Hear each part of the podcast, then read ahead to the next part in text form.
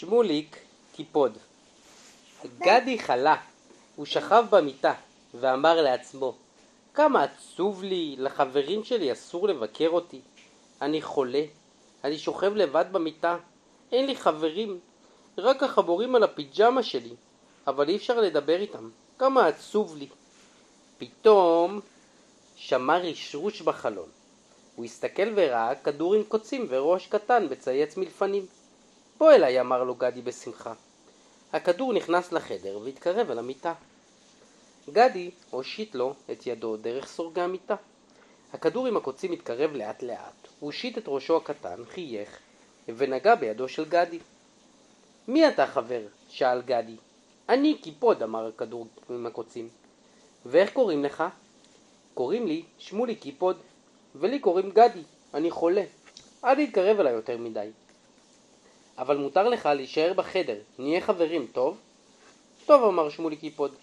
גם אני חיפשתי חבר. גם לי היה עצוב לבד. גדי שמח מאוד, ונהנע את סורגי המיטה. אבל שמולי קיפוד נבהל והתקפל כמו כדור, אי אפשר היה לראות לו את הראש, אי אפשר היה לראות לא את הראש שלו ולא את הרגליים שלו. שמוליק, שמוליק, צעק גדי, מה קרה לך? איפה הראש שלך? איפה הרגליים שלך? שמוליק, שמוליק. אני מפחד לך, שמוליק, מתוך הכדור. שמעתי רעש. אבל אתה מצחיק נורא, אמר גדי. תראה, אתה רק כדור עם קוצים בלי ראש ובלי רגליים. אתה נורא מצחיק. לאט לאט התיישר שמוליק קיפוד והוציא את הראש שלו ואת הרגליים שלו. אני רק נהנית את המיטה, אמר גדי. למה נבהלת כל כך? טוב, טוב, אמר שמוליק קיפוד בכעס. ואתה חושב שאתה לא מצחיק? תראה את השערות שלך. עומדות כמו הקוצים שלי, תנסה להתקפל כמו כדור, נו, נראה אותך. גדי התגלגל במיטה וניסה להתקפל כמו שמוליק קיפוד. ניסה וניסה, וכמובן שלא הצליח. שמוליק קיפוד עמד על רגליו וצחק וצחק וצחק. שניהם שמחו מאוד, ואז אמר גדי לשמוליק קיפוד, אנחנו חברים טובים. לשנינו יש הרבה קוצים על הראש. אתה יודע מה שיש לי?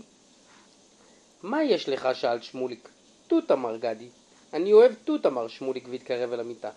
נו, בוא, בוא קח תות, אמר גדי. הוא אכל חצי וזרק את החצי השני לשמוליק, וכך אכלו הרבה מאוד תותים ביחד, עד שהתעייפו. שמוליק פתח את פיו הקטן ופייק, אני רוצה לישון אבל אין לי מיטה. אני מרשה לך לישון בקופסת הצעצועים שלי, אמר גדי לחבר שלו. אבל אני אהיה רעב בלילה, אמר שמוליק. גדי שם לו את כל התותים שנשארו בקופסה, ושניהם שכבו לישון. יופי, כשחברים ישנים ביחד באותו החדר. בבוקר קם גדי, ואוי ואבוי, שמולי קיפוד התגלגל בלילה בקופס, בקופסה, וכל התותים נתקעו בקוצים שלו. שמוליק כמעט בכה. אוי ואבוי! גדי ראה שעצוב לו מאוד.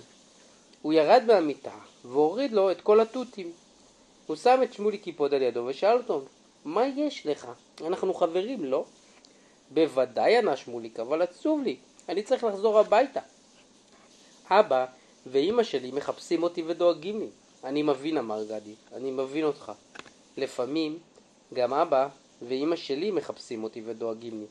הוא לקח את שמוליק קיפוד החוצה והוריד אותו לארץ. שלום גדי, אמר שמוליק, והתחיל ללכת. שלום שמוליק קיפוד, אמר גדי. תמסור דרישת שלום לאבא ולאימא שלך ותחזור לשחק איתי. שמוליק התחיל ללכת, ופתאום הסתובב וצעק לגדי. תודה בעד התות. בבקשה, אמר גדי. שלום, שלום. הוא עמד והסתכל. שמוליק קיפוד הלך והלך והלך והלך והלך והלך והלך. שמוליק קיפוד.